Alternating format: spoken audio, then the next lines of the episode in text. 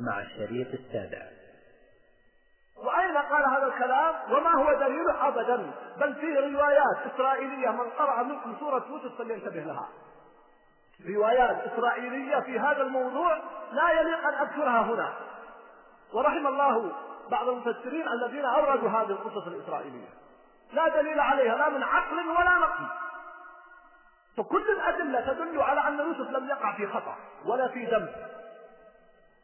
فكيف يقال عن هذا الكلام وتنقل بعض هذه الإسرائيليات فخلاصة الأمر في هاتين الآيتين وهو ما نصره شيخ الإسلام ابن تيمية رحمه الله.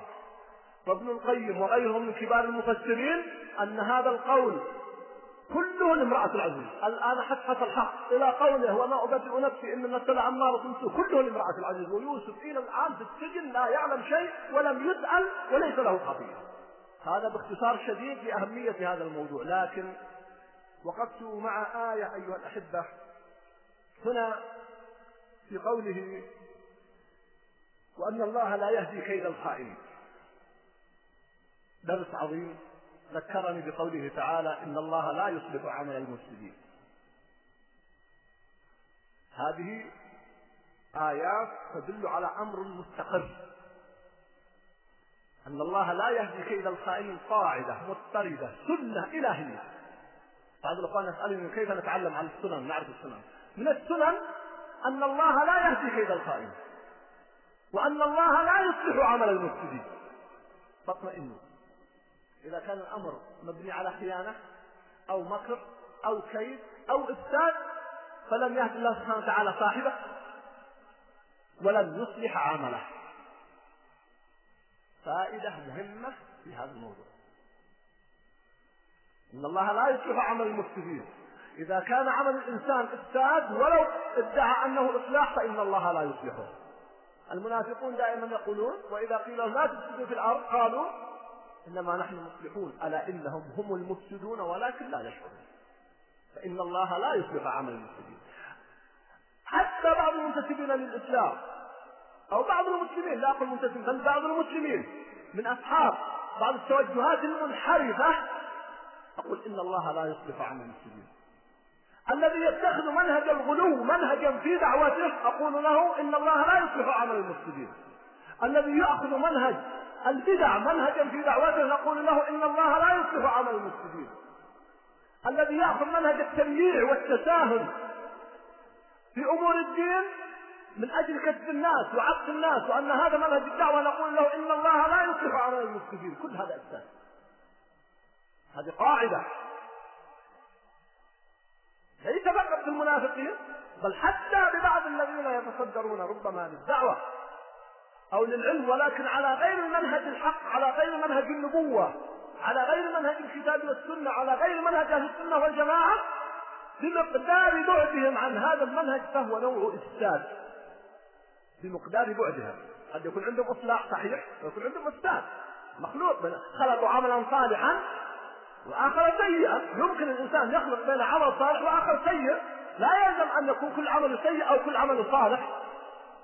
فبمقدار بعده عن المنهج الحق عن منهج النبوة عن منهج أهل السنة والجماعة فهو إفساد فنقول له إن الله لا يصلح عمل المفسدين. الذين يتنازلون عن الدعوة باسم مصلحة الدعوة نقول لهم هذا إفساد. إن الله لا يصلح عمل المفسدين. الذين يرتكبون بعض البدع وبعض المنهيات باسم الإصلاح.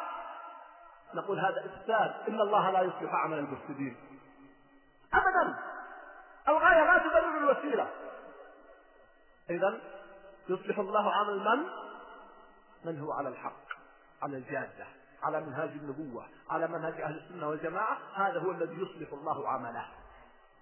وبمقدار ما مع الإنسان من خير وصلاح وهدى يصلح الله عمله وبمقدار ما معه من فساد وانحراف فإن الله لا يصلح عمل المسلمين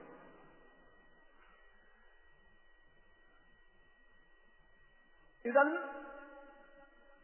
أختم هذا فيما يتعلق مرة أخرى في قضية يوسف لأنه لا بد من إغلاق هذا الباب بأهمية.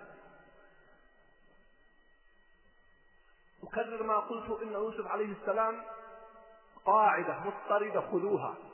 لم يقع في ذنب. فيما يتعلق بهذه السورة وما ذكر الله هنا ولم يقع في خطأ. فإذا رأيتم أي رواية أو إسرائيليات أو غيرها تشير إلى شيء من هذا فلا تنظروا إليها. والأدلة الصريحة في القرآن في سورة يوسف على أن يوسف عليه السلام لم يقع في شيء من هذا فإنه من المخلصين ومن المخلصين ومن المحسنين والصديق. والشهادة له متواترة. فكيف ينسب في مثل هذه الأعمال وقلت لكم قاعدة ذكرها العلماء أنه ما من نبي من لدن آدم أبونا عليه السلام إلى من بعده وقع في ذنب أو خطأ إلا ذكر في القرآن وذكر الله استغفاره وذكر الله قبول توبته. وأشرت إلى هذا الأمر هذه قاعدة. إذا ليست السورة ما يدل على أنه يتبقى في خطأ ولا في دليل أنه استغفر ولا دليل أنه تيب عليه إذا لم يقع لا في ذنب. وما تجدون من قضية الهم الذي ورد أو ما تجدونه هنا في تفسير هذه الآية وما أبرئ نفسي تفسير غير صحيح من بعض المفسرين رحمهم الله وأن الآية ليست في يوسف وإنما هي في امرأة العرب. ننتقل نقلة أخرى.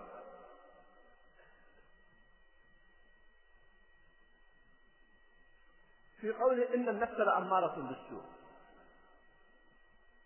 وهي نفسه لأنني لا أريد أن أطيل لكثرة الموضوعات التي قلت لكم أمامنا وأنا حريص على أن ننتهي اليوم من هذه الوقفات. إن النفس لأمارة بالسوء. هذه قاعدة صحيحة.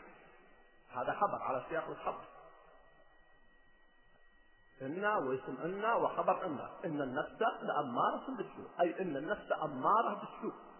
وتأكيد ذلك.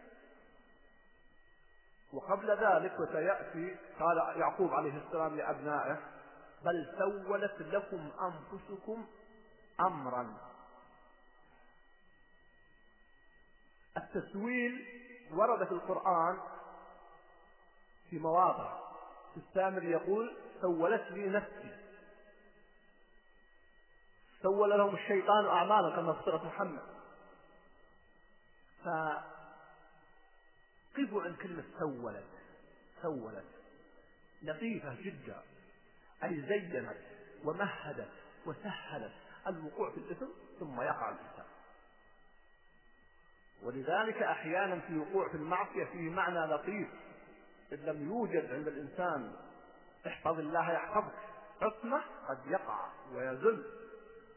ولا أظن أحد منا إلا قد يكون وقع ولا بأمر يسير ولا مجرد النظرة أحيانا لامرأة. كم امرأة؟ فيحاول الشيطان مع الإنسان أنه يراها. هذا إذا بعد أحيانا قد ما يحتاج الشيطان يحاول. نسأل الله السلامة والعافية. لكن إذا حاول وعجز يأتي يقول ربما أنك تتزوجها في يوم من الأيام. تتزوج نساء الدنيا كلها. تزوجها أبدا. ويظهر له بأحسن مظهر الجمال. وإلى غير هذا تسويل للنفس. أنا أقول هذا من ايسر الأمور وهو عظيم أيضا. اتصور انه يسير من ناحية لكن أكثر ما يقع به الناس وتأتي به الشكاوى. العين النظر إلى المحرم. كذلك بقية المعاصي. هو تسويل نفس. إن النفس لاماره لاحظوا هنا. ليست آمرة. أمارة على صيغة المفاعلة والقوة والتكرار والاضطراد لابد أن نعرف هذه النفس. لابد أن تكون يا أخي الكريم خبيرا بنفسك وبدواخلها.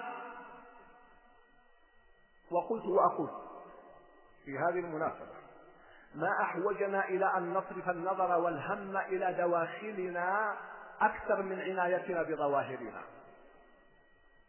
لو أخطأت في لباسك بين لك أهلك إذا كان هناك خطأ. إن لم يبين أهلك وفات عليهم سيبين لك زملائك أو من يراك. لكن في داخل نفسك لا يعلمها إلا الله جل وعلا ووكل الأمر إليك. ادرسوا هذه النفس. كل منكم يدرس نفسه. دراسة عميقة. ونفس وما سواها فألهمها فجورها وتقواها. إن النفس لأمارة. ما قال تأمر؟ أمارة. كثيرة الأمر ومضطردة وشديدة ومتسلطة في السوء. إذا عرفت هذه النفس بل سولت لكم أنفسكم زينت لكم. الذين يقعون في معاصي وتابوا إلى الله بعد ذلك أحيانا يعبرون عن هذه اللحظات الحساسة جدا. كيف سولت النفس ثم أوقعتهم ثم ندموا بعد ذلك. رأيت رجلا قبل عدة سنوات كنت في مكة فجاءني وقال شكاني أمر معين؟ قال أنا الآن منذ قرابة سبعة عشر يوم وأنا في الحرم لم أخرج من الحرم إلا فقط للأكل أو قضاء الحاجة. وكان في عز الصيف في شدة الحر وقبل التوسعة. هذا الكلام قبل التوسعة ما معنى هذا الكلام؟ معنى أنه ليس فيه تكييف لم يكن في الحرم تكييف. فقلت له يا أخي الكريم كيف استطعت أن تبقى في الحرم يعني مع شدة الحر؟ تعرفون كيف أجابني؟ جواب مع أنه والله مضى عليه الآن قرابة أربعة عشر عاما أو اثني عشر عاما. قال لي إن حرارة المعصية بردت علي ما أجده من حر في الحرم. قلت له كيف؟ قال أنا وقعت في أمور منكرة. كان يعمل في مجال يقول وفيه نساء. فهو لم يفتح أكثر من ذلك. ستر على نفسه فنستر عليه ولكن يقول وقعت في معصية. فتبت إلى الله وتبت جئت للحرم. أستر على نفسي وأطهر نفسي فلا أحس والله بحر لحرارة المعصية التي وقعت فيها والجريمة. فهي لحظات يقول فقط تسويل النفس لحظات.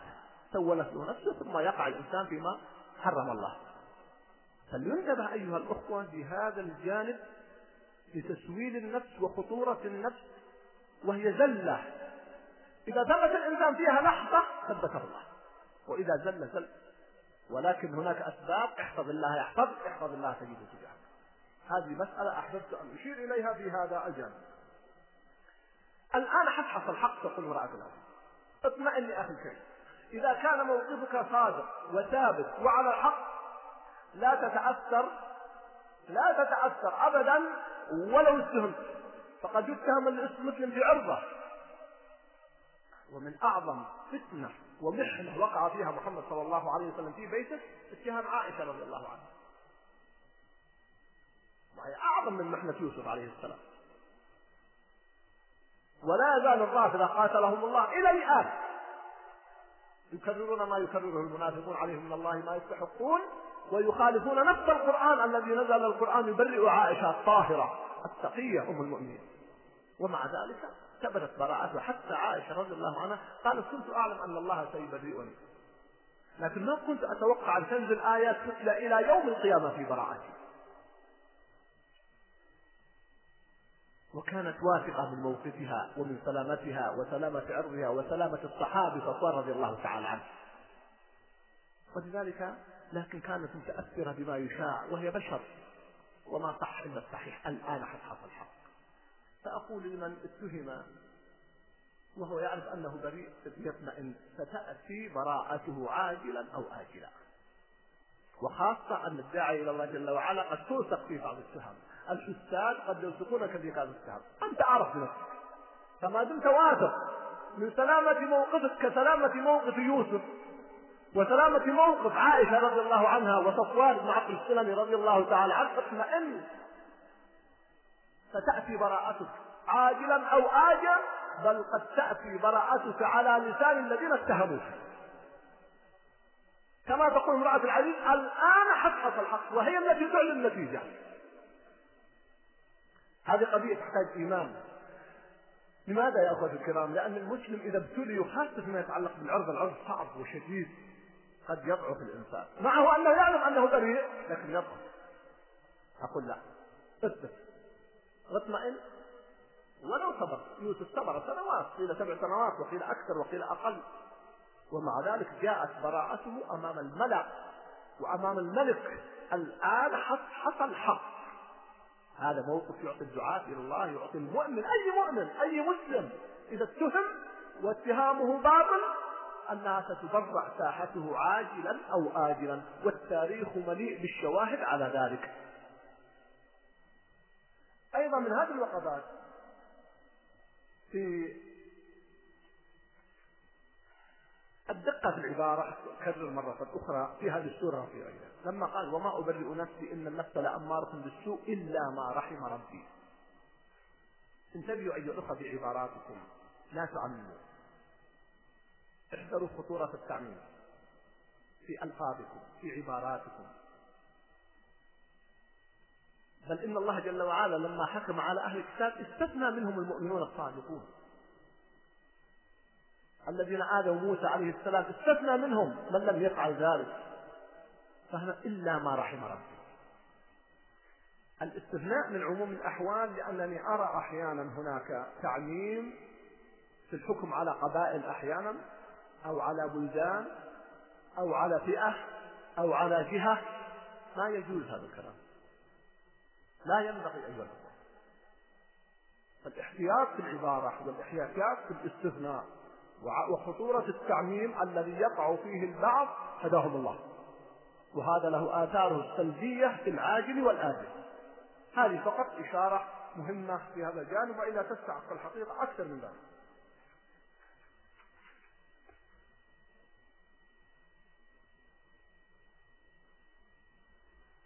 ثم تأتي أو يأتي المشهد الأخير في هذا القصة؟ وقال الملك ائتوني به أستخلصه لنفسي. المرة الأولى فقد دعاه. فقط. أرسل له الرسول. طلب مجيئه فقط. أما هذه المرة لا. طلب مجيئه ليستخلصه لنفسه. ما بين الموقفين لحظات في أيام فقط. لو أن يوسف وحاشاه من ذلك استعجل في المرة الأولى وخرج ما نال هذه المنزلة العظيمة ولا ما حصل على البراءة. والمنزلة العظيمة ليس فقط بشخصه بل حتى ما يترتب عليها من ملك مصر ونفع الأمة فيما بعد.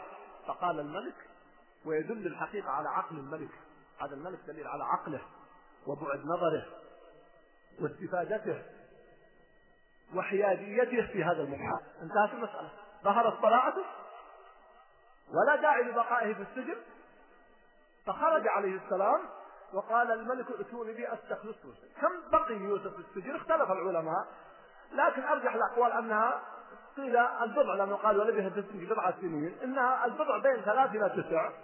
هذا أرجح الأقوال وقيل إنها سبع سنوات والله أعلم. على كل حال هي سنوات وأقرب إلى العشر منها إلى أقل من ذلك. فهي قيل سبع وقيل أكثر وقليل من قال إنها أكثر من عشر. ولكن فيه ضعف. أقوى الأقوال أنها سبع سنوات والله أعلم.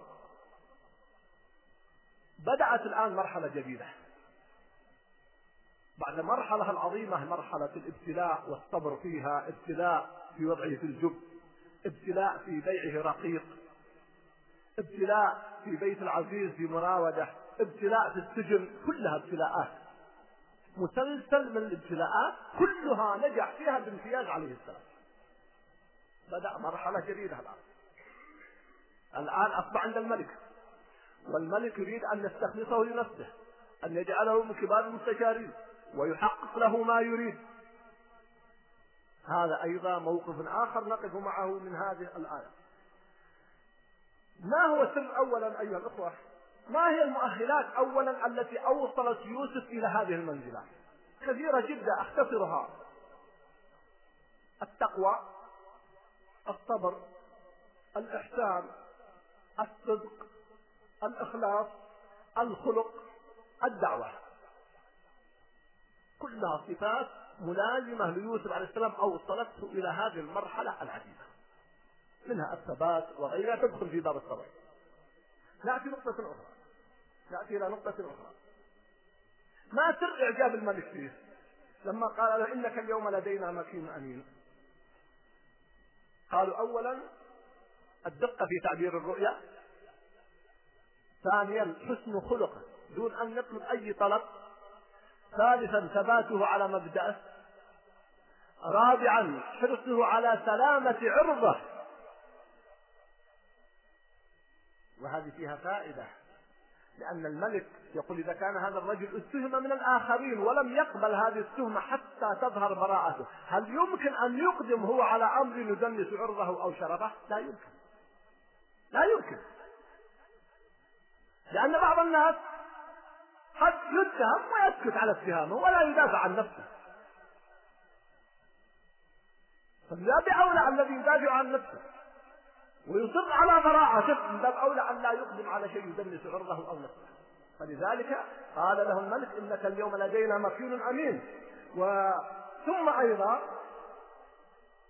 لمس فيه الملك رجاحة العقل وبعد النظر في عدم استعجاله من الخروج من السجن. ثم قالوا فلما كلمه. لاحظوا فلما كلمه. ماذا تفيد هذه الكلمة؟ أن الإنسان قد يحكم عليه من خلال كلامه. بعض الناس قد تسمع منه كلمة كلمة تعرف مستوى عقله. إنما المرء بأصغريه عقله ولسانه. إنما المرء بأصغريه عقله ولسانه. هذه الكلمة قالها شاب صغير عند عمر بن عبد العزيز رحمه الله. لما جاء وأراد أن يتكلم قال له يتكلم من هو أكبر منك؟ فقال له هذه الكلمة أن المرء بأصغريه عقله ولسانه صحيح. بعض الناس ساكت. ولكن مجرد يقول كلمة خلاص ينكشف ما وراء الغطاء يقال إن رجل له هيبة وهيئة حسنة ودخل على أبي حنيفة وكان مع خواص طلابه فكف رجله. أبو حنيفة رحمه الله. احتراما لهذا الرجل القادم وهذه الشخصية. فكان يتكلم في درس أبو حنيفة فقال أبو حنيفة عن رمضان وعن الحج. قطع يده. الآن أبو حنيفة مع أنه من من كبار الأمة وعلماء الأمة وعقله وذكاؤه مضرب المثل أبو حنيفة. الإمام أبو حنيفة رحمه الله كأني أتصور احتاط ما الله يعين على سؤال هذا الرجل. فقال له يا إمام إذا وافق رمضان الحج نصوم عرفة ولا ما نصوم العرفة؟ فيقولون فمد أبو حنيفة رجليه اثنتين ما هي واحدة الآن لأبي حنيفة أن يمد رجليه. كان كافر رجل واحدة الآن خلاص ما انتحر فبكلمة واحدة أحيانا فعلا تزن الرجال. بكلمة واحدة. يقول كلمة يعرف ما ولا وراء لأن الكلمة دليل على العقل العقل ما يرى. فكيف يعرف العقل؟ يعرف باللسان وبالتصرفات وبالأخلاق وبالمواقف. من أقوى ما يدل على العقل واللسان ولذلك يقولون إن العاقل عقله يسبق لسانه والأحمق والجاهل لسانه يسبق عقله. كيف؟ العاقل إذا أراد يتكلم وزنها رجع العقل قال لابد تأتين بإذن برقة. فترجع الكلمة اللسان للعقل ينطق ولا ما ينطق؟ يقول لا انطق ولا لا تنطق. هذا العاقل. فعقله يسبق لسانه. أما الجاهل والأحمق يتكلم يقول والله أنا ورطت ليتي ما تكلمت. بعد ما تكلم بعد ما تلفظ بدأ يندم ويا ليتي والله أني استعجلت. طيب فإذا هذا أحمق الذي يسبق لسانه لسانه عقله هذا الأحمق أما الذي يسبق عقله لسانه هو الحكيم العاقل بعيد النظر. يوسف عليه السلام مجرد جاء عند الملك فلما كلمه بس كلمه أصدر قراره هو عنده مقدمات الملك. في موضوع موقفه في السجن وبراءة يوسف لكن ليس كالمشاهدة ليس الخبر كاليقين. فلما كلمه قال إنك اليوم لدينا مكين أمين. انطبق الاسم على المسمى. هذه عبارات ولذلك أكرر وأمس واليوم أقول ما أحوجنا إلى ضبط ألسنتنا والدقة في عباراتنا. وأن قبل أن تنطق بالكلمة في وعد أو وعيد أو عبارة أن تتأكد مدى مصداقية هذه الكلمة. ثم نواصل أيضا مع قضية مهمة وهي ستكون من ختام وسأفصل فيها لأهميتها آه، إن شاء الله. قضية أكيد الأخوة يتساءلون فيها وسأوجد ربما كتابات فيها. وهي السؤال.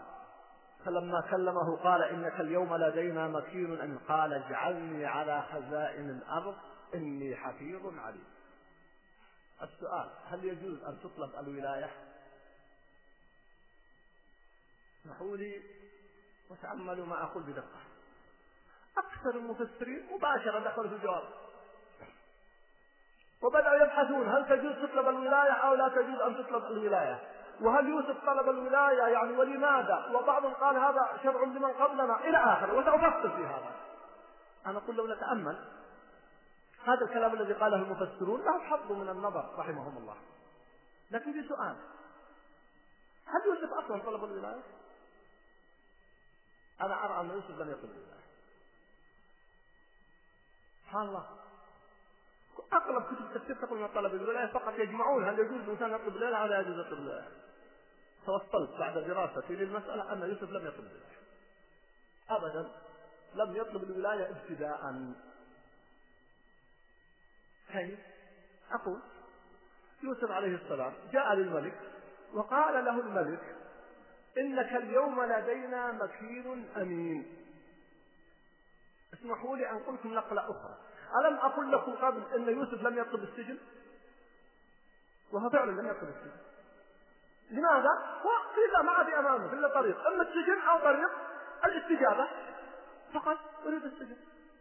هل يقال أنه طلب السجن؟ ما طلب السجن. ما في. إما يمين أو شمال. فاختار طريق اليمين. أسلموا له. ما عنده طريق آخر. هنا طيب ما علاقة هنا؟ هنا لما صار أمام الملك قال له الملك إنك اليوم لدينا مكين أمين. سنفعل وسنعطيك ونفعل ونفعل ونكافئك قال لا لا ودي صدق ما أريد هذا. لا. أنا كل هذه ما أريد أريد شيء آخر. فواقع الحال وواقع وكأننا نتصور المشهد أن الملك عرض عليه عروض. وسيعطيه ولايات وسيفعل كل أمور الدنيا أنا لا أريدها أنا أريد شيء أخدم فيه ديني وأمتي. فإذا هذا الرجل لم يطلب الولاية بمقدار ما أنه تخلى عن الولاية التي ورد النهي فيها من حظ النفس. هذا المدخل الأول. ولعله واضح من خلال هذا العقل. ولكن مع ذلك كلمة اجعلني بعض العلماء قال هي لفظ طلب لكن أنا أقول هي لفظ طلب كأن الملك قال له نحن سنعينك وهذا يحدث الآن يا أخوان الآن يحدث أحيانا بعض الأشخاص يدعى لبعض المسؤولين ويقولون له يعرض عليه عمل ويقول إن كنتم تريدون أن تعينونني ضعوني في المكان الفلاني. هذا ما هو يقول كذا بالعبارة ضعوني في المكان الفلاني. ما يقال أنه هذا طلب الولاية. هذا بالعكس. هذا يقول إذا كنتم مصرين على تعييني أو تكليفي بعمل فأنا إذا أريد هذا العمل دون هذا العمل. هذا ما يقال أنه طلب الولاية فيوسف عليه السلام من خلال عرض الملك إنك اليوم لدينا مكين أمين له كلام وله ثمرة هذه الكلمة. قال إذا كان الأمر كذلك اجعلني على الأمر ما دام لن تطلق سراحي سأذهب إلى أهلي فأنا أريد هذا. هذه واحدة. لكن مع ذلك نتجاوز هذه القضية لأن هذا الكلام قاله جمهور من المفسرين ولا نقلل من قولهم. وليس خطأ ولم يقولوا خطأ. هل يجوز طلب الولاية؟ هذه مسألة أيضا نتفق فيها. الصحيح أيها الأخوة لأن بعض العلماء قالوا إن هذا شرع من كان قبلنا وليس شرع لنا مثل السجود الذي سيأتي وخروا له سجدا. هذا سجود صحيح؟ هذا شرع من قبلنا وقد نسخ في شريعة محمد صلى الله عليه وسلم. فبعض المفسرين قالوا لا إن طلب الولاية خاص بمن قبلنا جائز لكن بالنسبة لشريعتنا في حديث عبد الرحمن بن سمره لما نهى النبي صلى الله عليه وسلم أن يطلب الولاية كما تعرفون لما قال له آه، أن لا يطلب الولاية وأن بين في حديث أبي موسى أننا لا نعطي هذا الأمر من طلبه. في أحاديث في هذا الأمر كما هو معروف. النهي عن طلب الولاية والنهي عن طلب الإمارة وأن هذا الأمر لا يسند لمن طلبه. لكن نقول مرة أخرى لا نقول إن الأمر منسوخ. بل الحكم باقي متى يكون النهي عن طلب الإمارة؟ عندما يكون لحظ النفس. أو يخشى الإنسان على نفسه. أو يعرف أن هناك من هو أكفأ منه. ولذلك ذكر بعض العلماء كلام جميل. قالوا إن النبي صلى الله عليه وسلم قال لعبد الرحمن بن سمره رضي الله عنه لما نهى عن طلب الإمارة يا عبد الرحمن لا تطلب الإمارة. قالوا لأن الكفاءات مثل عبد الرحمن رضي الله عنه كثيرة في الصحابة. فما معنى أن يطلب الأمر لنفسه المفروض مثل هذا الإنسان أن يهرب من عمل إذا كلف به. لوجود من هو أكفأ منه. ولذلك كان الصحابة إذا سئل أحدهم عن مسألة يحيل إلى غيره. أحيانا تصل المسألة إلى عشرات الأشخاص كل واحد يحيل إلى الثاني. والإمارة أعظم من ذلك. لكن متى ما يجوز لا يجوز للإنسان أن يعتذر عن الفتوى إذا كان يعلم الحكم ويرى أن هناك ليس هناك أكفأ منه فلا يجوز له أن يعتذر عن الفتوى.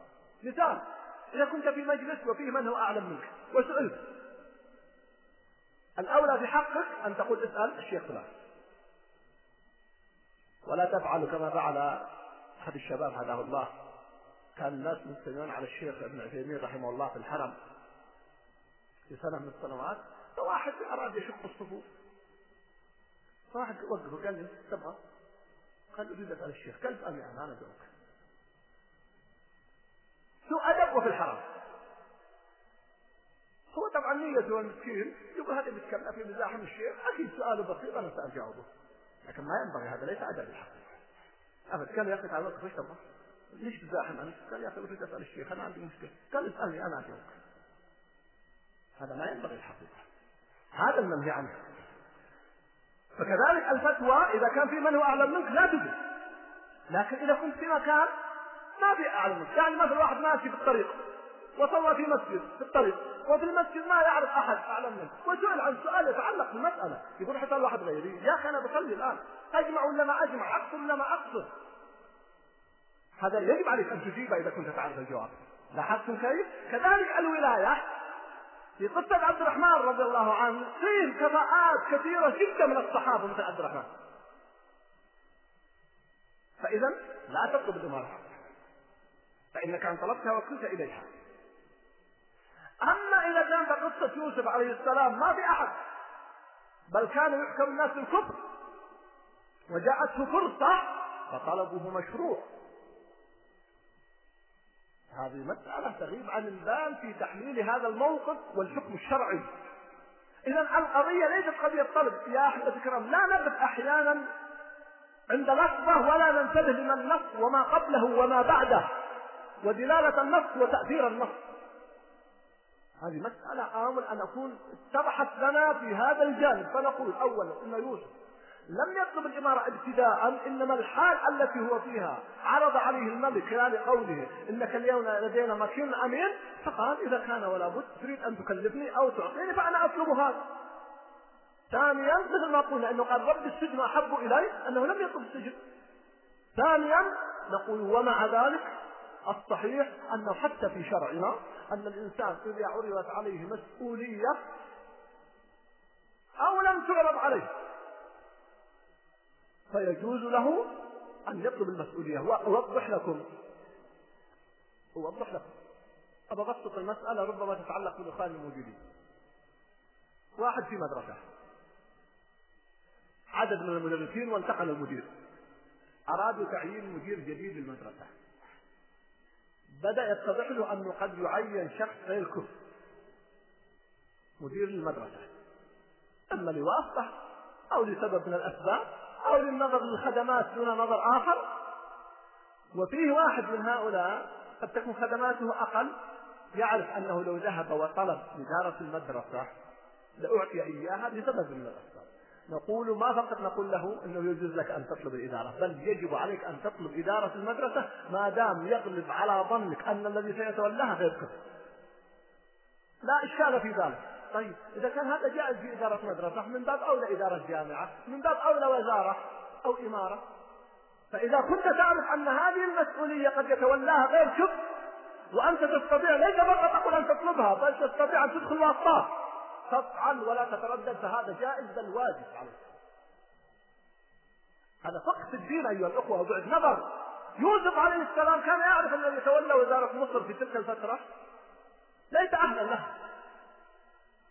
ويكفي أنه ليس أهلا لها أنه مضيع بيته.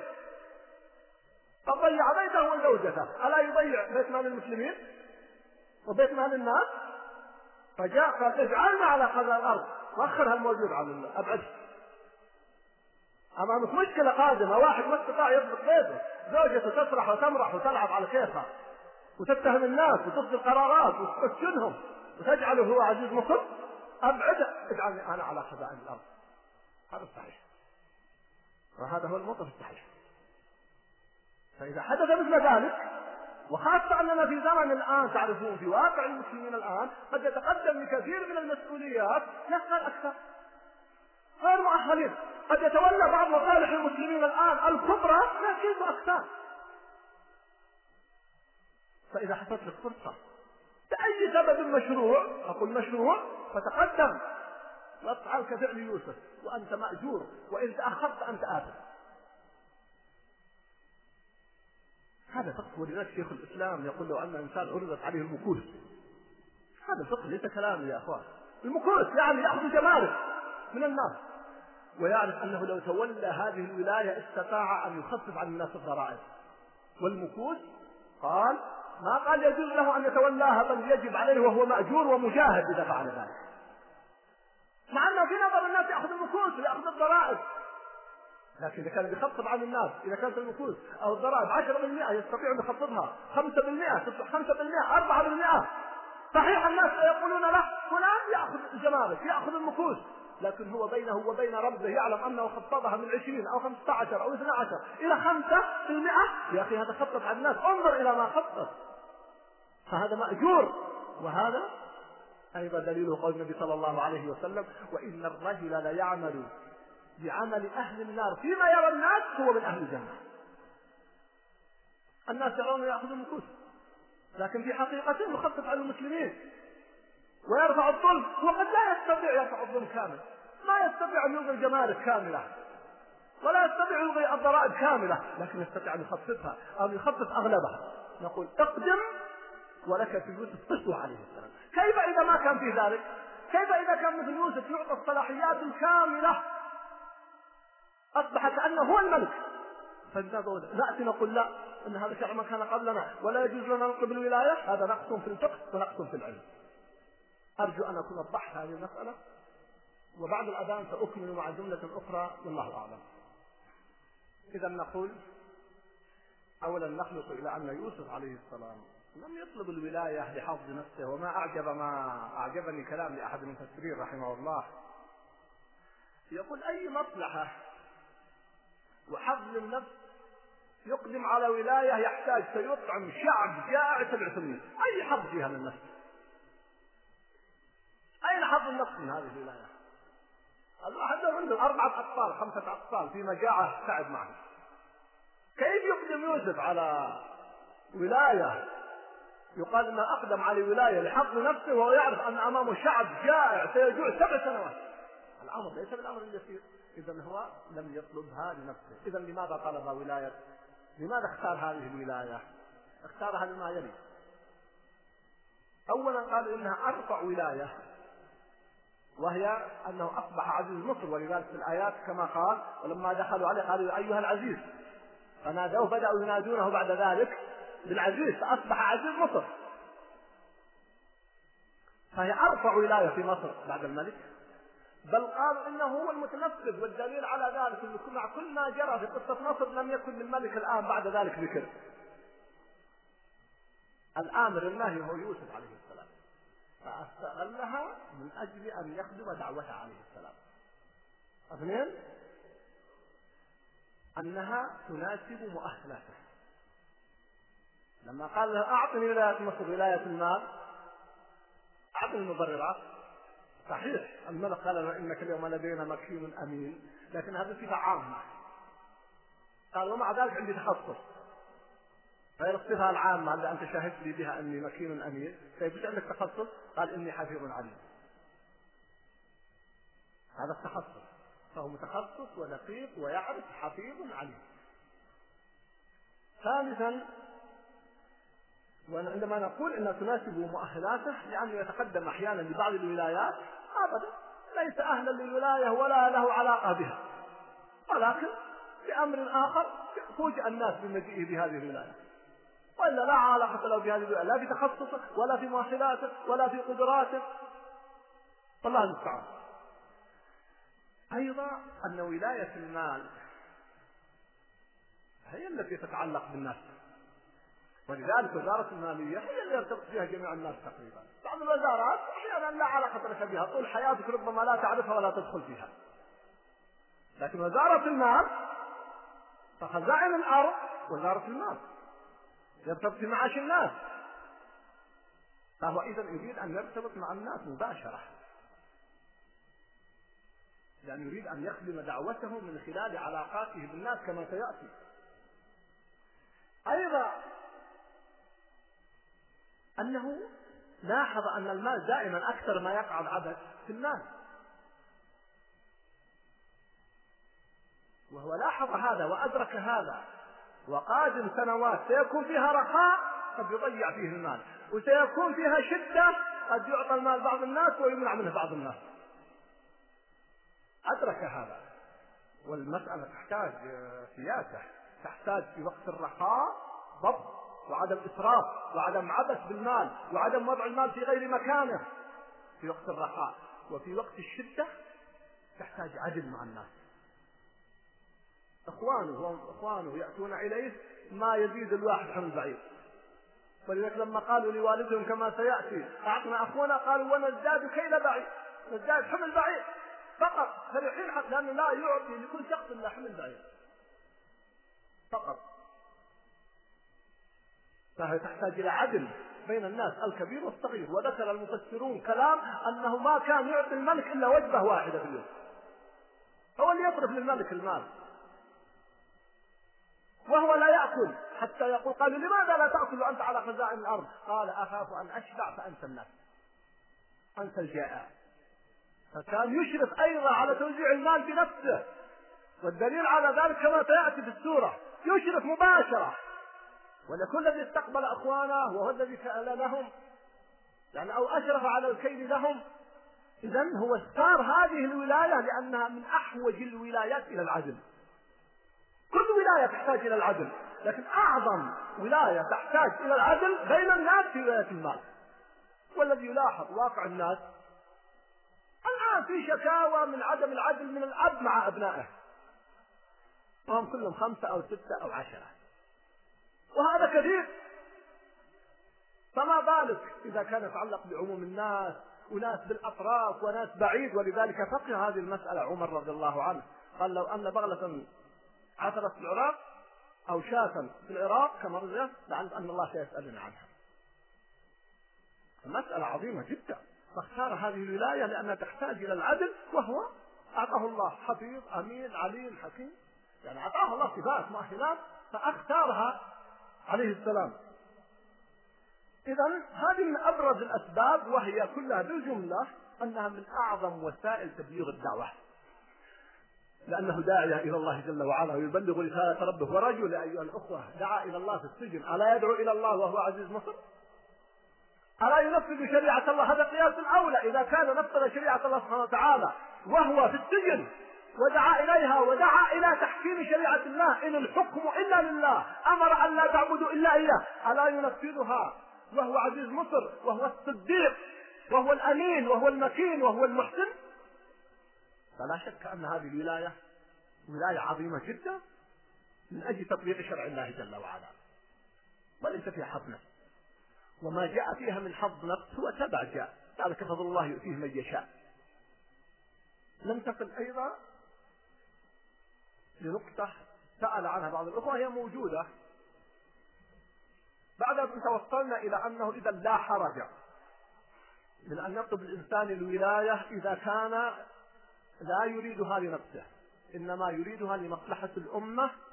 بل قلت لكم قد في بعض الحالات يجب عليه شرعا أن يطلب الولاية إذا كان طلبه سيحقق منها. أما متى يتعطف الإنسان عن الولاية؟ إذا علم أن هناك من هو خير منه. وأنه إذا اعتذر سيولى من هو مثله أو خير منه. فلا شك أن السلامة لا يعدلها شيء. أما إذا علم أنه إذا تخلى عن هذه المسؤولية أو هذه الولاية سيولى منها من هو أقل منه فإنه في هذه الحالة نخشى عليه من الإثم. فيجب عليه أن يطلب الولاية ويتخذ الأسباب المشروعة للوصول إليها. بقي السؤال المهم جدا وسؤال مهم. هل يجوز أن يتولى المسلم ولاية عند كافر. على أن المفسرين اختلفوا في هذا ولكن أيضا في هل هو كافر أو لا. ولكن قيل إن الملك كان كافرا. هذا من أقوال المفسرين. فهل يجوز أن يتولى الإنسان المسلم ولاية عند كافر؟ الآن في دول كافرة كثيرة الآن. قد تتحدث في الغرب الآن في الشرق.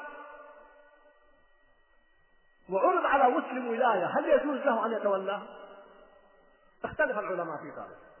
فبعضهم منعها مطلقا وقال إن هذا إعانة للظالم على ظلمه فلا يجوز أن يتولى المسلم ولاية عند كافر. أما قصة يوسف فإنه أولا شرع من قبلنا قالوا لا يلزم أن يكون شرع لنا. وثانيا قالوا إن يوسف أعطي الصلاحيات الكاملة فأصبح هو الحاكم. هذا قول لبعض العلماء. آخرون قالوا إنه يجوز ما دام يستطيع أن يحقق مصلحة للمسلمين فإنه يجوز لها له أن يتولاها.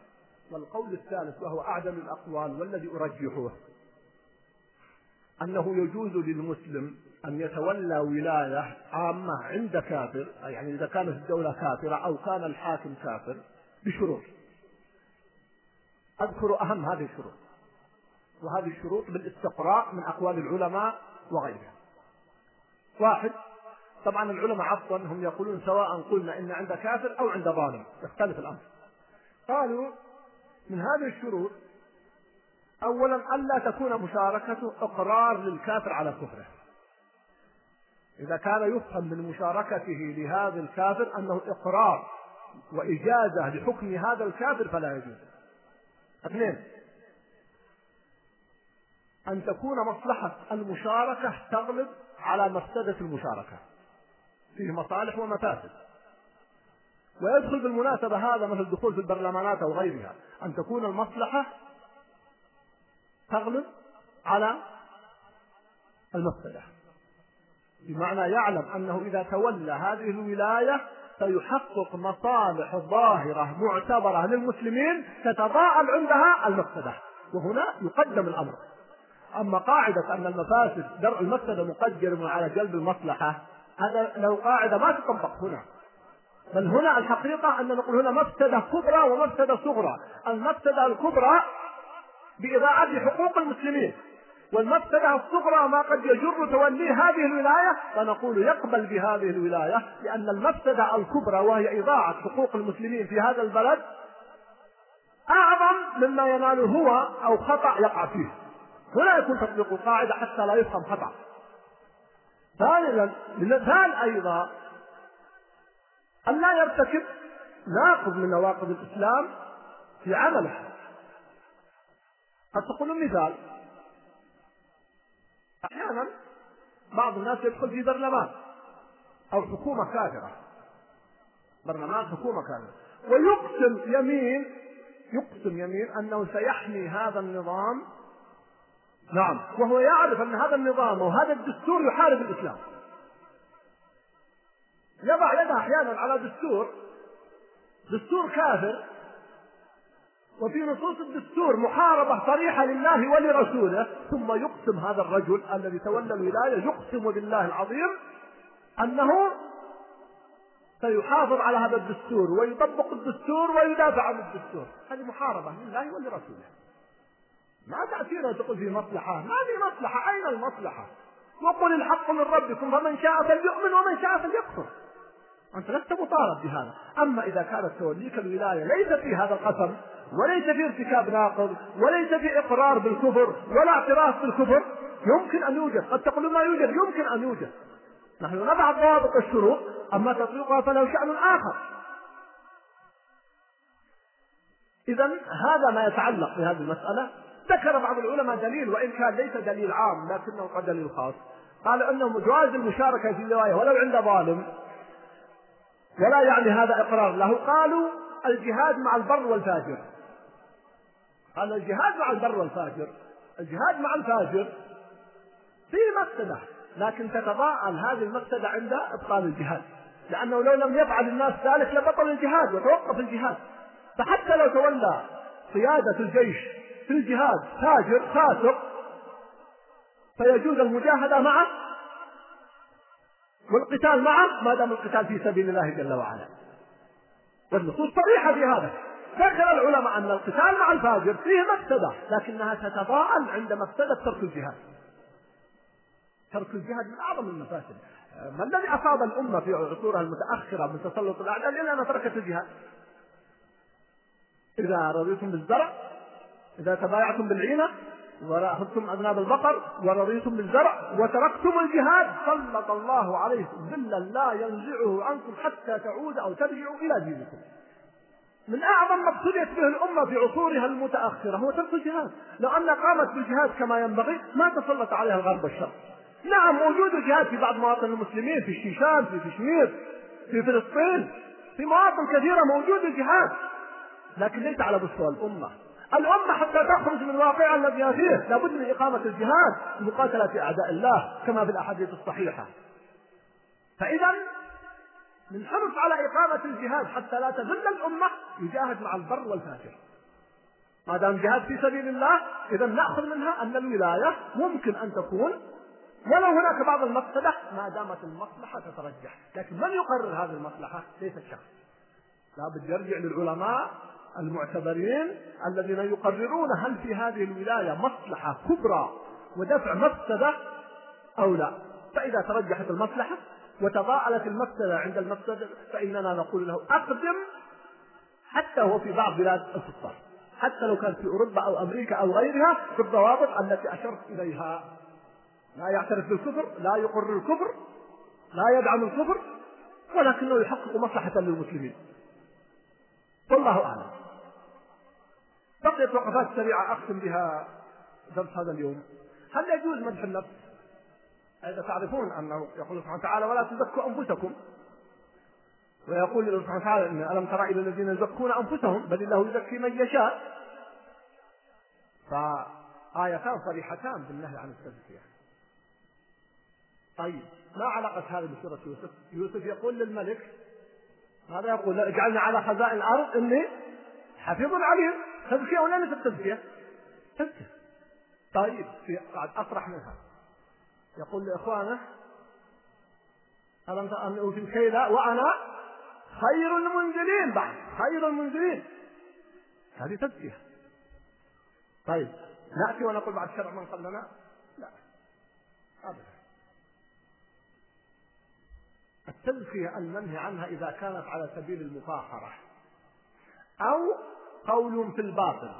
أو لا حاجة إليها ارجعوا إلى كلام المفسرين. أما إذا كانت التزكية لها مصلحة فالنبي صلى الله عليه وسلم يقول لما قال له رجل اعدل يا رسول الله. أو اعدل يا محمد. قال له من يعدل إن لم أعدل؟ هذه تزكية. نعم. النبي صلى الله عليه وسلم يقول أنا النبي لا كذب أنا ابن عبد المطلب. فإذا كانت التزكية لها مصلحة وقامت دواعيها وليست من باب الفخر ولا المباهاة فضلا عن أن تكون من الكذب فإذا كانت كذلك فلا شيء فيها. ولا حرج في أن يزكي الإنسان نفسه ولا يدخل فيها التزكية في المطلوب. فإذا هذا الجانب آه لا حرج فيه الآن أنتم الآن أي واحد يقدم على وظيفة؟ أليس يأتي بالمؤهلات؟ في من الصدق بل الآن أليس يأتون إليك ويقول لك بعض الدراسات العليا لازم تأتي بتزكية من اثنين من المشايخ أو من أساتذتك أو من أساتذة الجامعة. تذهب لواحد من يقول لك ذكرني أي حالة النفس لنفسك فما دامت لمصلحة لا حرج في ذلك. التزكية لا حرج فيها إذا كانت لمصلحة مدح النفس إذا كان لمصلحة لا حرج فيه. إذا كان لمصلحة الأمة يتعدى حدود. أما لا يجوز لك للمباهاة للمفاخرة وأعظم ذلك إذا كان للكذب والعياذ بالله. انظروا وسائل الإعلام. كيف تقع؟ تزكي بالحق ولا بالباطل؟ تأملوا وترون العجب. هذا هو المنهي عنه. هذا الذي تنطبق عليه الآيات هذا الذين يتفاخرون يزكون أنفسهم بل الله يزكي من يشاء. أما من زكاه الله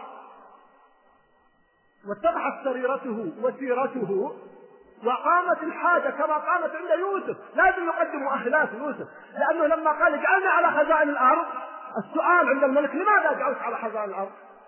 لابد يقول له إني حفيظ عليم. يقدم المؤهلات. أنت الآن لما تقدم وظيفة يقال لك أعطني شهاداتك. لازم تقدم شهاداتك. هو قدم شهاداته هنا. غير الشهادات العامة؟ في شهادات خاصة يطلب منك دورات تدريبية أحيانا. ولما قال لإخوانه ائتوني بأخ لكم من أبيكم. قال لهم ألم ترون أني أوفي الكيل هذه تزكيه وأنا خير المنزلين. لابد اذكرها حتى يقنع إخوانه بأن ياتوا بأخيهم. فلا حرج في ذلك. والأدلة متظاهرة في القرآن وفي السنة على هذا الأمر ومن سير السلف. حتى نضع النصوص في موضعها. أما النهي عن التزكية نعم الآية محكمة ولا يجوز للمرء أن يزكي نفسه. من باب المفاخرة أو من باب المباهاة أو لغير سبب مشروع وأعظم من ذلك إذا كانت التزكية باطلة والعياذ بالله أو كذب والعياذ بالله. أيضا من الوقفات التي نقفها هنا. يقول سبحانه وتعالى نصيب برحمتنا من نشاء ولا نضيع أجر المحسنين. هذه أيضا سنة. سنة. أنا أحاول أشير لكم السنن الإلهية. يؤكدها في سورة الرحمن. بعبارة واضحة جلية. هل جزاء الإحسان؟ إلا الإحسان. أسأل الله يجعلنا وإياكم منهم يوم القيامة. هل جزاء الإحسان؟ إلا الإحسان. قاعدة. فيا أخي الكريم اطمئن. إذا كنت على المنهج الحق وتحسن اطمئن ستجد أجرك عاجلا أو آجلا. نصيب برحمتنا من نشاء ولا نضيع أجر المحسنين أيضا. لا يضيع أجر المحسن أبدا من يفعل الخير. لا يعدم جوازيه لا يذهب العرف بين الله والناس. أبدا. أيضا وقفة أخرى سأسرع في الوقفات لأن الوقت قد ضاق عليكم فمعذرة. يقول الله جل وعلا ولا أجر الأهل الذين آمنوا وكانوا يتقون.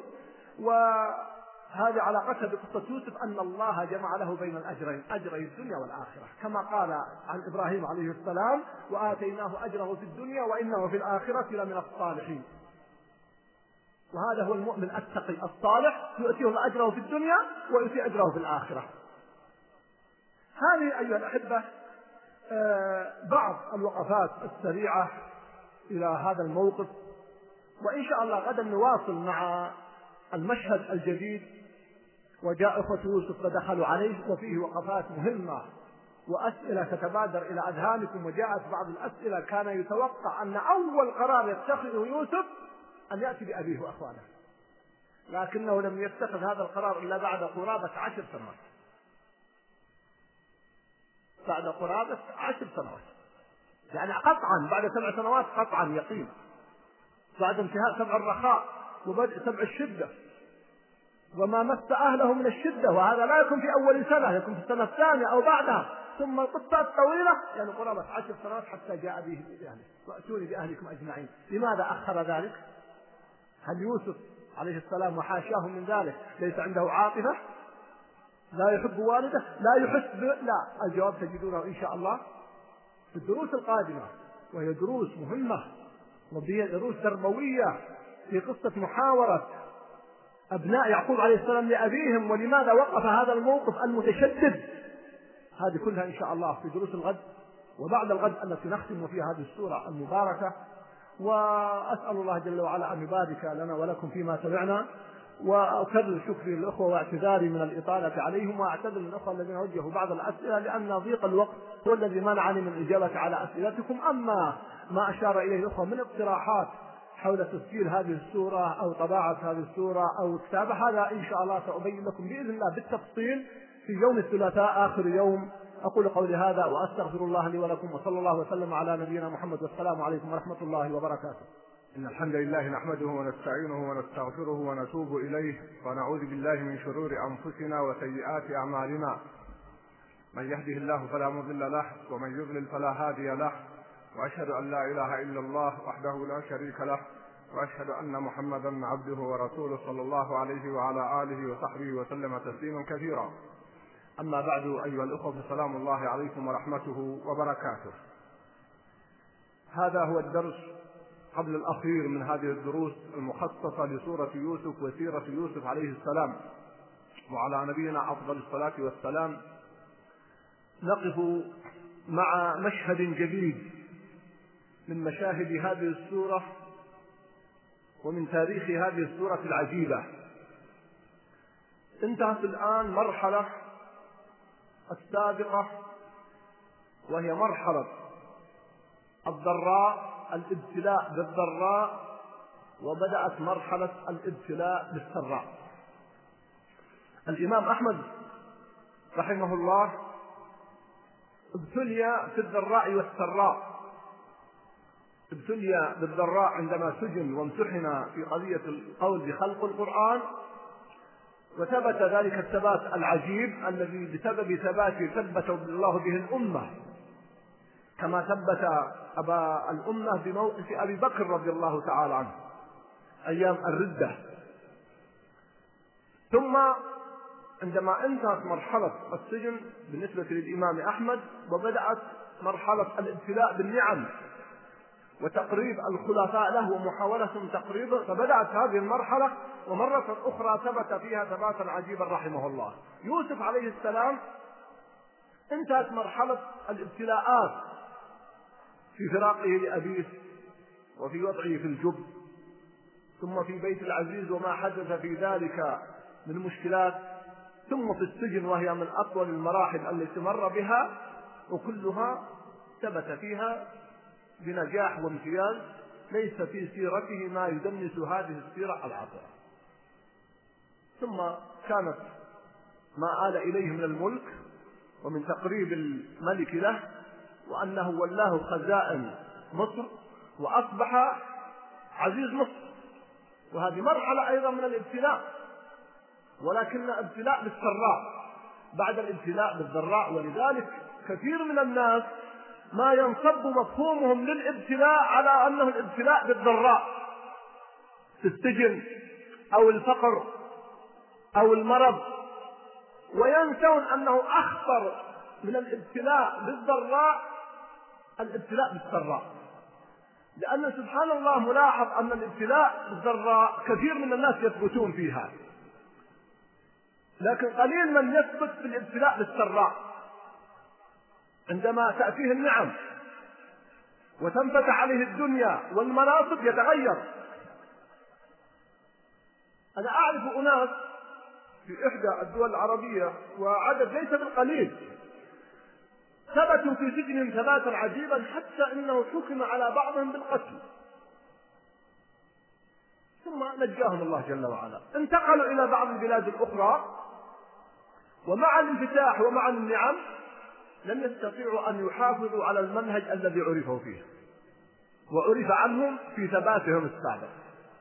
فالابتلاء بالنعم الابتلاء بالمنصب الابتلاء بالدنيا ليس بالأمر اليسير. كيف إذا كان الابتلاء أصبح عزيز مصر ومن أين يخرج مباشرة من السجن؟ إلى أين؟ إلى أن يصبح عزيز مصر ما في مرحلة فاصلة. ما خرج من السجن وجلس عشر سنوات رجل عادي لا مباشرة. ائتوني به أستخلصه لنفسي؟ قال إنك اليوم بعدها مباشرة إن فلما كلمه قال إنك اليوم لدينا مكين أمين. قال اجعلني على خزائن إني حفيظ عليه قال الله وكذلك مكنا ليوسف. انتهى. صدر الأمر صدر القرار. إذا ثباته حتى في مرحلة السراء لا يقل عن ثباته في مرحلة الضراء بل قد يكون أعظم. لأن الثبات في مرحلة الضراء غالبا من الصبر الاضطراري. أما الثبات في مرحلة السراء فهو من الصبر الاختياري. وفرق بين الصبر الاضطراري والصبر الاختياري. الصبر الاضطراري الإنسان إن لم يصبر على ما أصابه قد لا يغير من حاله شيء. كلنا بالامر يذهب أجره. والا الذي يصاب بمرض لو لم يصبر هل سيشفى؟ لا قد لا يشفى بل قد يكون صبره هو سبب الشفاء الذي يسجن إذا لم يصبر على السجن. هل سيخرج؟ وأنا أذكر لكم قصة حدثت لأحد مشايخ عندما ابتلي ودخل السجن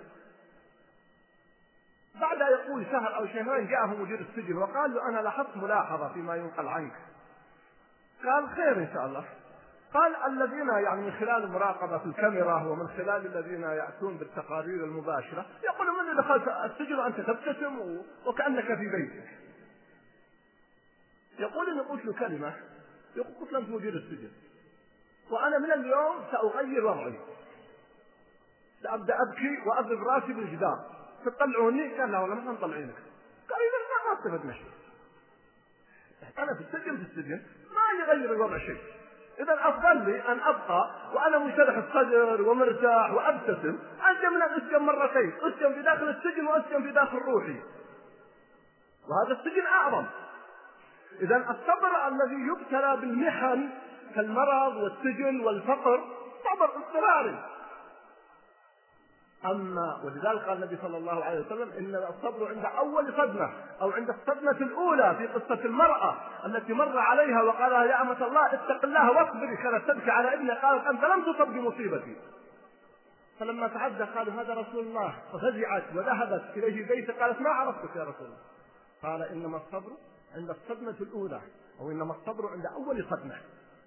هذا يكون فيه الأجر وإلا يذهب أجره وما عاد إليها ابنها. عاد عندما لما تاخذ لم تأخذ بنصيحه النبي صلى الله عليه وسلم وجلست تبكي عند قبره خرج ابنها عاد إليها ابنها لم يعد لها ابنها. إنما فقدت الأجر وابنها على ما ذهب إليه. ولذلك الصبر الاختياري أعظم. شخص يصاب بدين بمليون ريال ويصبر لا بد يصبر. لكن واحد يقال تفضل هذا مليون ريال ويرفض أن يأخذه.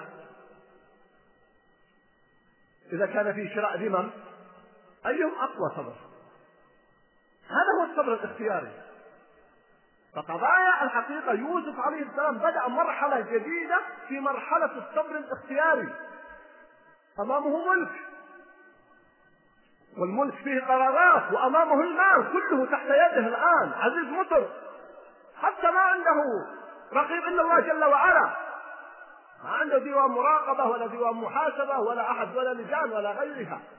ومع ذلك بدأ مرحلة هذه المرحلة الجديدة التي نحاول بإذن الله هذا اليوم نقف على أبرز تلك المرحلة مع أنني أعترف أنني يصعب علي في هذا اليوم وفي الغد أن أكمل هذه الصورة بتفاصيلها. ولكنني سأحاول أن آخذ أبرز هذه النقاط وأحاول في الغد إن شاء الله أن نختم هذا الموضوع مع ختام السورة لأن في ختام السورة مواقف بأمس الحاجة نحن إليها كما سأشير إن شاء الله في آخر اللقاء في قضايا الخلاصة من هذه السورة منهج الدعوة الذي نحن كل دراستنا لهذه السورة هو الذي نريد الزبدة غدا إن شاء الله والخلاصة غدا بإذن الله. الموضوع طويل ولكن اعذروني كما قلت. إن استعجلت في الحديث في بعض المسائل لأن بعض الأحبة قد يعتب علي ويقول نحن نكتب خلفك وأقول لهم الموجود هو مسجل الآن الدرس وموجود في الموقع في موقع المسلم بإمكان أي واحد أن يرجع إليه ويجده ويسمعه مرة أخرى من أجل كتابته. بدأت الآن المرحلة الجديدة. السؤال لماذا كان يتوقع أن يوسف عليه السلام أول قرار يتخذه أن يطلب مجيء أبيه؟ أو على الأقل أن يذهب لزيارة أبيه. لكنه لم يفعل. والصحيح أن إخوانه في قوله تعالى وجاء إخوة يوسف ما جاءوا إلا بعد انتهاء سنوات الرخاء وبدء سنوات القحط. لأنهم جاءوا في سنوات الشدة كما هو معلوم. وهكذا هي الآيات إذا نقول قطعا أكثر من سبع سنوات. لأنه أيضا بالمناسبة سبع سنوات الشدة الرخاء ما بدأت منذ استلم يوسف القرار واستلم الملك هذه ناحية أخرى. فإذا حسبنا كم بقي حتى بدأت سنوات الرخاء. ثم انتهت سنوات الرخاء وهي قطعا سبع سنوات. ثم بدأت سنوات الشدة. ثم جاء اخوانه قلت لكم امس قد تصل إلى عشر سنوات أو تزيد والله أعلم. لماذا لم يتخذ هذا القرار؟ هذه المسألة التي بحثت عنها وخلاصتها في كلمة. أن يوسف ملتزم بأمر الله جل وعلا. وكل عمله التزاما بالوحي. ما كان ليأخذ أخاه في دين الملك إلا أن يشاء الله. إذا هو يتلقى الوحي. فجاءه الأمر والله عليم حكيم ولذلك تلاحظون في هذه السورة تكررت. والله عليم حكيم إن الله عليم حكيم عدة مرات. لأنني وجدت لفتة مهمة جدا وإن كانت الآية ستأتي فيما بعد لكن لا مانع أن أستقدمها قليلا. تداخل الموضوعات لا يضر. سورة يوسف بصفة خاصة فيها أسئلة أحيانا ترد على النفس. لماذا فعل كذا؟ لماذا لم يستقدم والده؟ لماذا جاء بأخيه ثم أحرجوا والدهم مرة أخرى وحدث له المصيبة وأوقع إخوانه في هذه المشكلة؟ أسئلة ترد أحيانا نفسية. أحيانا قد نستطيع أن نصرح بهذه الأسئلة وأحيانا لا نستطيع أن نصرح بها. الجواب على ذلك أن الله عليم. حكيم إيماننا بعلم الله وحكمته يجعلنا نقول لله الأمر من قبل ومن بعد. والملك ملكه والشأن شأنه وما دام الأمر وفق الوحي الشرعي فاطمئن أن النتيجة حميدة. هذه قضية الإيمان بعلم الله وحكمته يوصل إلى حقائق غير عادية في تاريخ الإنسان وفي حياة الإنسان. يزيل الشبهة الآن التي تطرح على تطبيق الشريعة والذين يثيرون بعض الشبه. إذا علمنا أن الله عليم حكيم وهو الذي أنزل هذا الرسالة وشرعها فهو عليم حكيم. مثال واحد يوضح لكم يقرب لكم الحقيقة. لما النبي صلى الله عليه وسلم ذكر أنه لما سأله الرجل نسأل الله السلامة والعافية ويحمينا ويحمي ابنائنا وابنائكم ونساءنا ونساءكم أنه وجد مع زوجته رجل ماذا يفعل؟ قال له النبي صلى الله عليه وسلم يأتي باربعه شهود هذا قبل نزول إيه الملاعنه قال سعد بن معاذ رضي الله تعالى عنه سعد بن عبادة قال يا رسول الله أنتظر حتى آتي بأربعة شهور؟ قال نعم. قال والله إن كنت لأعاجله بالسيف. مباشرة. انظروا إلى حديث المصطفى صلى الله عليه وسلم. قال لا طبعا الناس رأوا إعجاب بموقف سعد انتبهوا النبي صلى الله عليه وسلم أتعجبون من غيرة سعد؟ إنه لغير وأنا أغير منه؟ والله أغير مني لفت نظري وأنا أعلق على صحيح مسلم أن بعض العلماء يكتبون أن هذا ثناء على سعد لا هذا الحقيقة هذا الحديث مع إثبات الغيرة لسعد رضي الله عنه فيه عتاب لسعد لكيف عتاب لسعد؟ يقول النبي صلى الله عليه وسلم أعجبكم موقف سعد؟ معناه إذا كان أعجبكم معناه أن كلامه صحيح والكلام الذي قلته غير صحيح مع انني أنا الذي بلغت والله سبحانه وتعالى هو الذي أمر. يعني هل سعد أكثر غيره مني أو أكثر غيره من الله؟ فغيرة سعد ليست في مكانها مع أنه غيور. أثبت له النبي صلى الله عليه وسلم أنه غيور. لكن هذه المرة ليست في مكانها. أخطأ سعد رضي الله عنه. لأن الذي أمر بأن يأتي بأربع شهداء هو الله والذي بلغ عن الله هو الرسول صلى الله عليه وسلم وهم أشد غيره وأعظم غيره من سعد. إذا هذا يعطيك أنك أحيانا قد تندفع في موقف والموقف الشرعي غير ذلك. العاطفة أحيانا تأخذنا في غير مسارها. لما قلت لكم في هذا المكان مثلا أن التفكيرات التي حدثت خطأ ولا يجوز. بغض النظر عن الفاعل أنا لا أتحدث عن فاعلين إلى اليوم لا أدري من فعلها. مع كل أسف فوجئت أن هناك من يقول أبدا. هذا هذه مشروعة وهذا ضد الأمريكان والأمريكان فعلوا. هذه عاطفة هذا عاطفة. لا. نحن هذا عملنا عبادة لله. يجب أن نسلك المسلك الشرعي ونضبط عواطفنا. هذه المسألة فلذلك هنا يوسف عليه السلام في مواقفه ثبت عواطفه وهذب عواطفه وسار مع أمر الله جل وعلا وإن كان يخالف عاطفته. وإلا حبه لأبيه لا إشكال فيه. ولذلك لما أذن له بعد ذلك في آخر المطاف أول قرار اتخذه بعد أن عفى عن إخوانه قال اذهبوا بقميصي هذا. إلى أين؟ اذهبوا إلى أبي وأتوني بأهلكم أجمعين بعد ذلك. لا يتصور أنه كان يغفل عن هذه الحقيقة لكنه لم يؤذن له. هذه مسائل مهمة. ولذلك أيها الأخوة محمد رسول الله صلى الله عليه وسلم لما أراد أن يزور أمة استأذن بأمرين. استأذن أن يزور أمه وهي ماتت على الكفر وأن يدعو لها فأذن له بزيارتها ولم يؤذن له بالدعاء لها. لأنه لا يجوز الدعاء للكافر.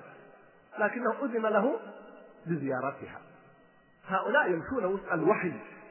إذا طبعنا أنفسنا وربينا أنفسنا على أن نسير وفق الوحي صلحت الأمور.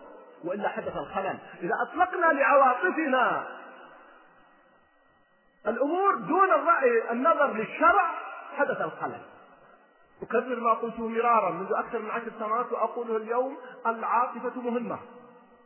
لكن يجب أن تضبط العاطفة بضابط العقل. يكفي؟ لا. والعقل مهم. يجب أن يضبط بضابط الشرع. إذا تركيبة فوق بعض. عاطفة مهمة؟ إذا جاءت عاطفتك ارجع إلى العقل. هل التصرف صحيح أو غير صحيح؟ قد يوافقك العقل. لا يكفي هذا. العقل أحيانا قد يزل قد يخطئ قد تدخل عوامل تصرفه عن منهجه الصحيح. ارجع إلى الشرع. فإذا تكاملت الثلاث فانطلق. وإلا فقف هذا هو الجواب. فقال العلماء إن يوسف عليه السلام اولا ملتزم بأمر الله لكن في علل في حكم. قالوا اولا لا يزال يريد أن يستقر له الملك.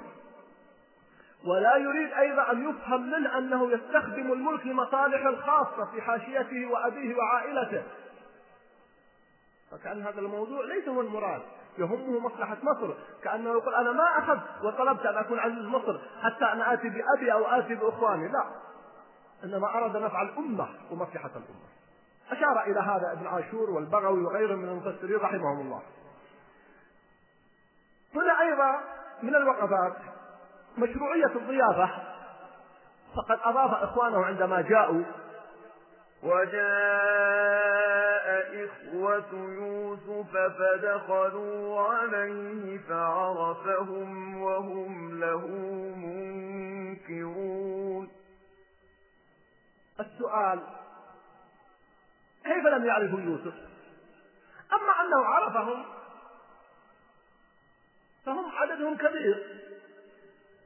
وأيضا ملامحهم متعددة فمن السهولة قد يكون أسهل أن يعرف العدد من معرفة واحد أما لماذا لم يعرفوه؟ هذا لأسباب. وهم له منكرون. حتى بالجملة الإسمية الثابتة. ما عندهم شك أنه غير يوسف. قال العلماء لعدة أسباب. أولا أنه لأنه ملك وعزيز مصر. وأبهة الملك يصعب التركيز على الإنسان. الإنسان الآن إذا قابل من هو لو قابل مسؤول كبير يصعب أن يضع عينه بعينه ولذلك عبر عمرو بن العاص رضي الله عنه قال والله ما كنت أن أستطيع أن أنظر إلى رسول الله صلى الله عليه وسلم مهابة له ولو طلب مني أن أنعته ما استطعت أن أنعته عندما موته قال هذه الكلمة مع أنه صاحب الرسول صلى الله عليه وسلم سنوات يقول لو طلب مني أن أنعت الرسول صلى الله عليه وسلم بوصف دقيق ما استطعت أن أنعته، لماذا؟ لأني ما كنت أستطيع أن أنظر له مهابة له. فالباب أولى أنه يوسف بملكه وعزيز مصر وهؤلاء جاءوا ضعفاء مساكين من الصعب جدا أن يتأملوا بدقة. القرينة في هذا لأن لما قال هل علمتم ما فعلتم بيوسف كأنه صحاهم نظروا إليه قال أئنك لأنت يوسف كأنها بدأت ملامحه تنظر إليه. هذا بعد سنوات ثانيا فارقوه وهو صغير. سنوات قيل 15 سنة أقل أكثر. والآن كم عمره؟ قرابة الأربعين. فطبيعي فرق أكثر من 20 سنة قطعا. كما ذكر المفسرون بل بعضهم أوصلها إلى 30 وبعضهم أوصلها إلى 40 والله أعلم لكن قطعا سنوات. الصغير يتغير بسرعة. بينما هم كان بعضهم كبار فتغيرهم محدود وعددهم كبير. فأيضا هذا يجعلهم من الصعوبة أن يعرفوه. ثم أيضا الفارق الذهني. هل كانوا يتصورون الذي راح أسير وباعوه على بعض الروايات فشروه بثمن بخس وأخذ؟ أن هذا أصبح عزيز مصر؟ نقلة بعيدة غير واردة يعني. ما هو من السهولة ترى ذهنيا أن يتصوروا أن أخاهم الذي كان قد يتصور أنه هلك وأن الأمر قضي. الآن هذا اللي أمامهم يعني هذا ليس من السهولة أن يستوعبوه. كل هذه العوامل مع عامل مهم جدا أن الله لحكمته صرف أذهانهم أن يعرفوا من هو هذا. لحكمة يعلمها حتى يتم الأمر. فلذلك هذا السر أنهم لم يعرفوه. أما هو كونه عرفهم فأولا من فوائدها أن الصغير لا ينسى. هو صغير صحيح له 30 سنة فارقهم أو أكثر لكن الصغير ما ينسى أحيانا الواحد منا الآن يرى إنسان أنا أقول لكم قضية.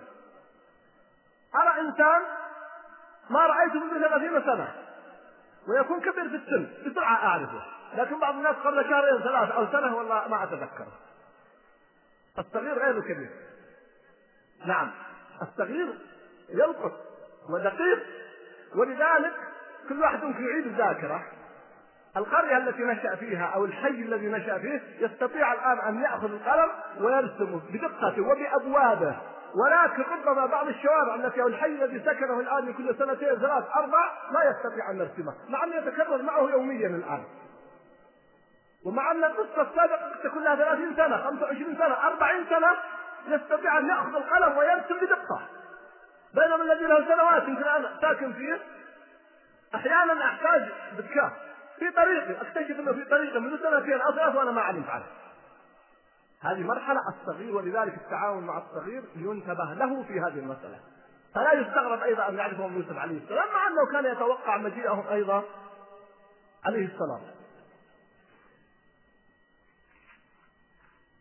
ثم بدأت معهم فعرفهم وهم له منكرون. ولما جهزهم بجهازهم قال ائتوني بأخ لكم من أبيكم ألا ترون أني أوفي الكيل وأنا خير المنزلين فإن لم تأتوني به فلا كيل لكم عندي ولا تقربون قالوا سنراود عنه أباه وإنا لفاعلون كيف عرف أنهم أخ؟ سهلة. قال العلماء أنه تبسط معهم وبدأ يسألهم من أين أنتم وطبيعي بدأوا يحدثونه ويخبرونه فأخذ منهم وهو يعرف القضية. لكن لأنه لو جاء مباشرة وقال لكم أخ قالوا ما الذي يدريه ما الذي أعلمه وبدأت أسئلة. لا. تبسط معهم وأكرمهم وضيفهم وأخذ أخبارهم. فقال هذا الأخ الذي ذكرته لي لماذا لا تأتون به؟ ثم انظروا. ماذا قال؟ قال ائتوني بأخ لكم من أبيكم. ثم ألا ترون أني أوفي الكيل وأنا خير المنزلين؟ انظروا الكرم واللطف ثم بدأ القرار الحازم. فإن لم تأتوني به فلا كيل لكم عندي ولا تقربون. جمع بين صفتين عجيبتين في القيادة. القيادة في اللين فقط لا تنفع وبالشدة أو بالحزم فقط لا تنفع. لا بد أن تجتمع في صفة القائد ملك القلوب وملك الأجسام وخاصة قادة الأمة. قيادة القلوب فقط لا تكفي وقيادة الأجسام فقط لا تكفي. هذه مسألة نحتاج إليه كل واحد منا يحتاج إليها في بيته. بعض الآباء في بيته يحبه أبنائه يحبونه لكنهم لا يخافون منه البيت صورة كريم معهم ويساعدهم. وأنت قرأت مقارنة هي قديمة في مجلة لكن وقعت في يدي. والله استفدت منها كثيرا. قالوا له كيف كانت تربية لأبنائك؟ قال والله أنا كنت أعطي أولادي حرية يعني في التربية لكن اكتشفت أنني لم أنجح كما ينبغي. في مجتمعنا يقول هذا الرجل المفروض أن يتدخل الإنسان حتى في شؤون أبنائه أحيانا. انتهت كلمته. كلام صحيح. يعني هو يبدو أنه كان يعطيهم من الحرية والمال وغيره وواضح من كلمته أن بعض أبنائه قد أوقعه في مشكلة أو أنهم فرطوا من يده وأن تدليلهم ما نفع. وكذلك بعض الآباء أسلوب الشدة والقهر والعنف ما ينفع. لا بد من الجمع بالأمرين. يوسف عليه السلام استقبل إخوانه أكرمهم أوفى لهم الكيل وأنا خير المنزلين وتلطف معهم ثم جاء القرار الحاسم. بعد كل هذا ما يكفي فقط. ما قال لهم ائتوني بأخ من أبيكم ألا ترون أني أوفي الكيل وأنا خير المنزلين. وسكت. لا قال صدر قرار الملك. فإن لم تأتوني به فلا كيل لكم عندي ولا تقربون. صدر الأمر. استخدم حقيقة قوة سلطان القلوب وسلطان الأجسام. هكذا تكون القيادة. القيادة حتى في بيتك تحتاج إلى هذا. أن تتلطف مع أبنائك أن تحسن إليهم لكن أن تكون قوي. أن تكون مهاب في البيت. أن تكون لك شخصيتك ولا ضاع هذا إذا كان في البيت وهم قد لا يتعدون عن خمسة إلى عشرة. كيف في دولة؟ إذا أسلوب القيادة عن طريق القيادة قيادة الأجسام فقط قيادة فاشلة. وأسلوب القيادة قيادة القلوب فقط قيادة فاشلة. ما الحل؟ بينهما واحد يسمى المهابة. المهابة هي أفضل قيادة. هي التي تجمع بين الحب والخوف. فليست حبا فردا وليست خوفا فردا إذا اجتمع للقائد هاتان الصفتان استطاع أن يقود أمته. وهكذا كان رسول الله صلى الله عليه وسلم. وهكذا كان أبو بكر رضي الله عنه. وهكذا كان عمر. هكذا كان الخلفاء رضي الله تعالى عنهم. يقودون الناس بالمحبة وبالخوف أي بالضبط بالقوة. عمر رضي الله عنه يمثل هؤلاء في تواضعه وبساطته ولكن هو قوي وشديد. قبله أبو بكر وبالمناسبة أنا أعطي مناسبة فائدة وإن كانت إحنا جعنا نطلب الفائدة. ما فيه لا يمكن أن يجتمع اثنان أو أن يختلف اثنان حول قوة عمر. أبدا. التاريخ يثبت أن قوة أبي بكر رضي الله عنه أقوى من عمر. دعونا ننطلق من المسلمة. المسلمة أن عمر لا يختلف في قوة أحد. أبدا. حتى أنه إذا سلك فجا سلك الشيطان فجا آخر. انطلقنا من هذه المسلمة لمعلوماتكم لأنه مع كل أسف وقر في بعض الناس خلاف ذلك. قوة أبي بكر أقوى من عمر. والدليل مواقفه عند وفاة الرسول صلى الله عليه وسلم. وفي جيش أسامة. وموضوع حرب المرتدين. حتى عمر على قوته ما استطاع يثبت فيها كما ثبت أبو بكر رضي الله عنه. فأبو بكر أقوى من عمر رضي الله عنه. لكن أبو بكر كان رقيق كان بكاء وكان عمر كذلك رضي الله عنه لكن كان أكثر منه. فارتسم في ذهن الناس هذا الأمر يتصورون أنه ضعف. وفهموا حديث النبي صلى الله عليه وسلم قال وفي نزعه ضعف ويغفر الله له. وهو حديث صحيح فهمه خطأ. ليس المقصود في نزع ضعف أنه ضعيف. لا لأنه لم يحكم إلا سنتين فقط أو تقريبا. يعني كان قليل أما عمر فكان يفري فريا لأنه حكمت مده طويلة ثبت فيها بعد ذلك أركان الدولة. حتى لا تفهم النصوص في غير موضعها. هنا القيادة يوسف جمع فيها واضح من قيادته. رجل عجيب ما تأثر فيه العواطف إذا كانت ضد المصلحة العامة. ولذلك فيما بعد لما يا أيها العزيز إن له أبا شيخا كبيرا فخذ أحدنا مكانه إن نراك من المحسنين. لا لا. ما دام ضد المصلحة العامة معاذ الله. قرار حازم مع أن الكلام الذي قالوه يفلق الصخر. لكنه عاقل. فلما أعاده إلى المصلحة العامة إلى العقل والشرع قال لا معاذ الله أن نأخذ إلا ما وجدنا متاعنا عنده. إذا مفهوم القيادة في سورة يوسف مفهوم عجيب. جمع فيها بين سلطان القلوب في الإكرام والبشاشة والعدل والإحسان. إنا نراك من المحسنين. وبين القوة والصرامة في تنفيذ القرار إذا صدر. هكذا تقاد البيوت وهكذا تقاد المدارس وهكذا تقاد الأمم وهكذا تقاد الدول. إذا اختل أي من الركنين فهو خلل في القيادة. أحيانا قد يصعب أن تتوافر هاتان الصفتان في شخص واحد.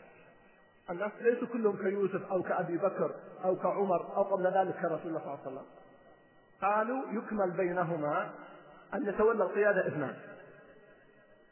يكون واحد في جانب القوة والشدة وواحد في جانب اللين فيتكاملان ويتعاضدان فتقوم الدولة ويقوم الأمر.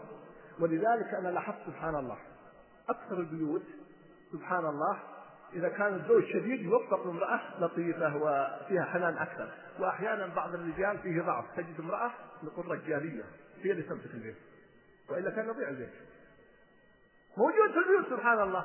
والله عجيب وجدت سويت استقراء لعدد من البيوت. سبحان الله. هذا من فضل الله وحكمته. يكون الرجل شديد أحيانا عنيف تأتي امرأة لطيفة وهذا الطبع في النساء. أحيانا يحدث العكس. يكون رجل بسيط وضعيف وفيه ليل تأتي امرأة شديدة وتمسك البيت ولا كان يضيع البيت فالتكامل بين الزوج والزوجة مهم في هذا الجانب. حتى تتوافر القيادة. القيادة ليست في واحد. صحيح الرجال قوامون على النساء لكن المرأة لها قيادة لها شأن.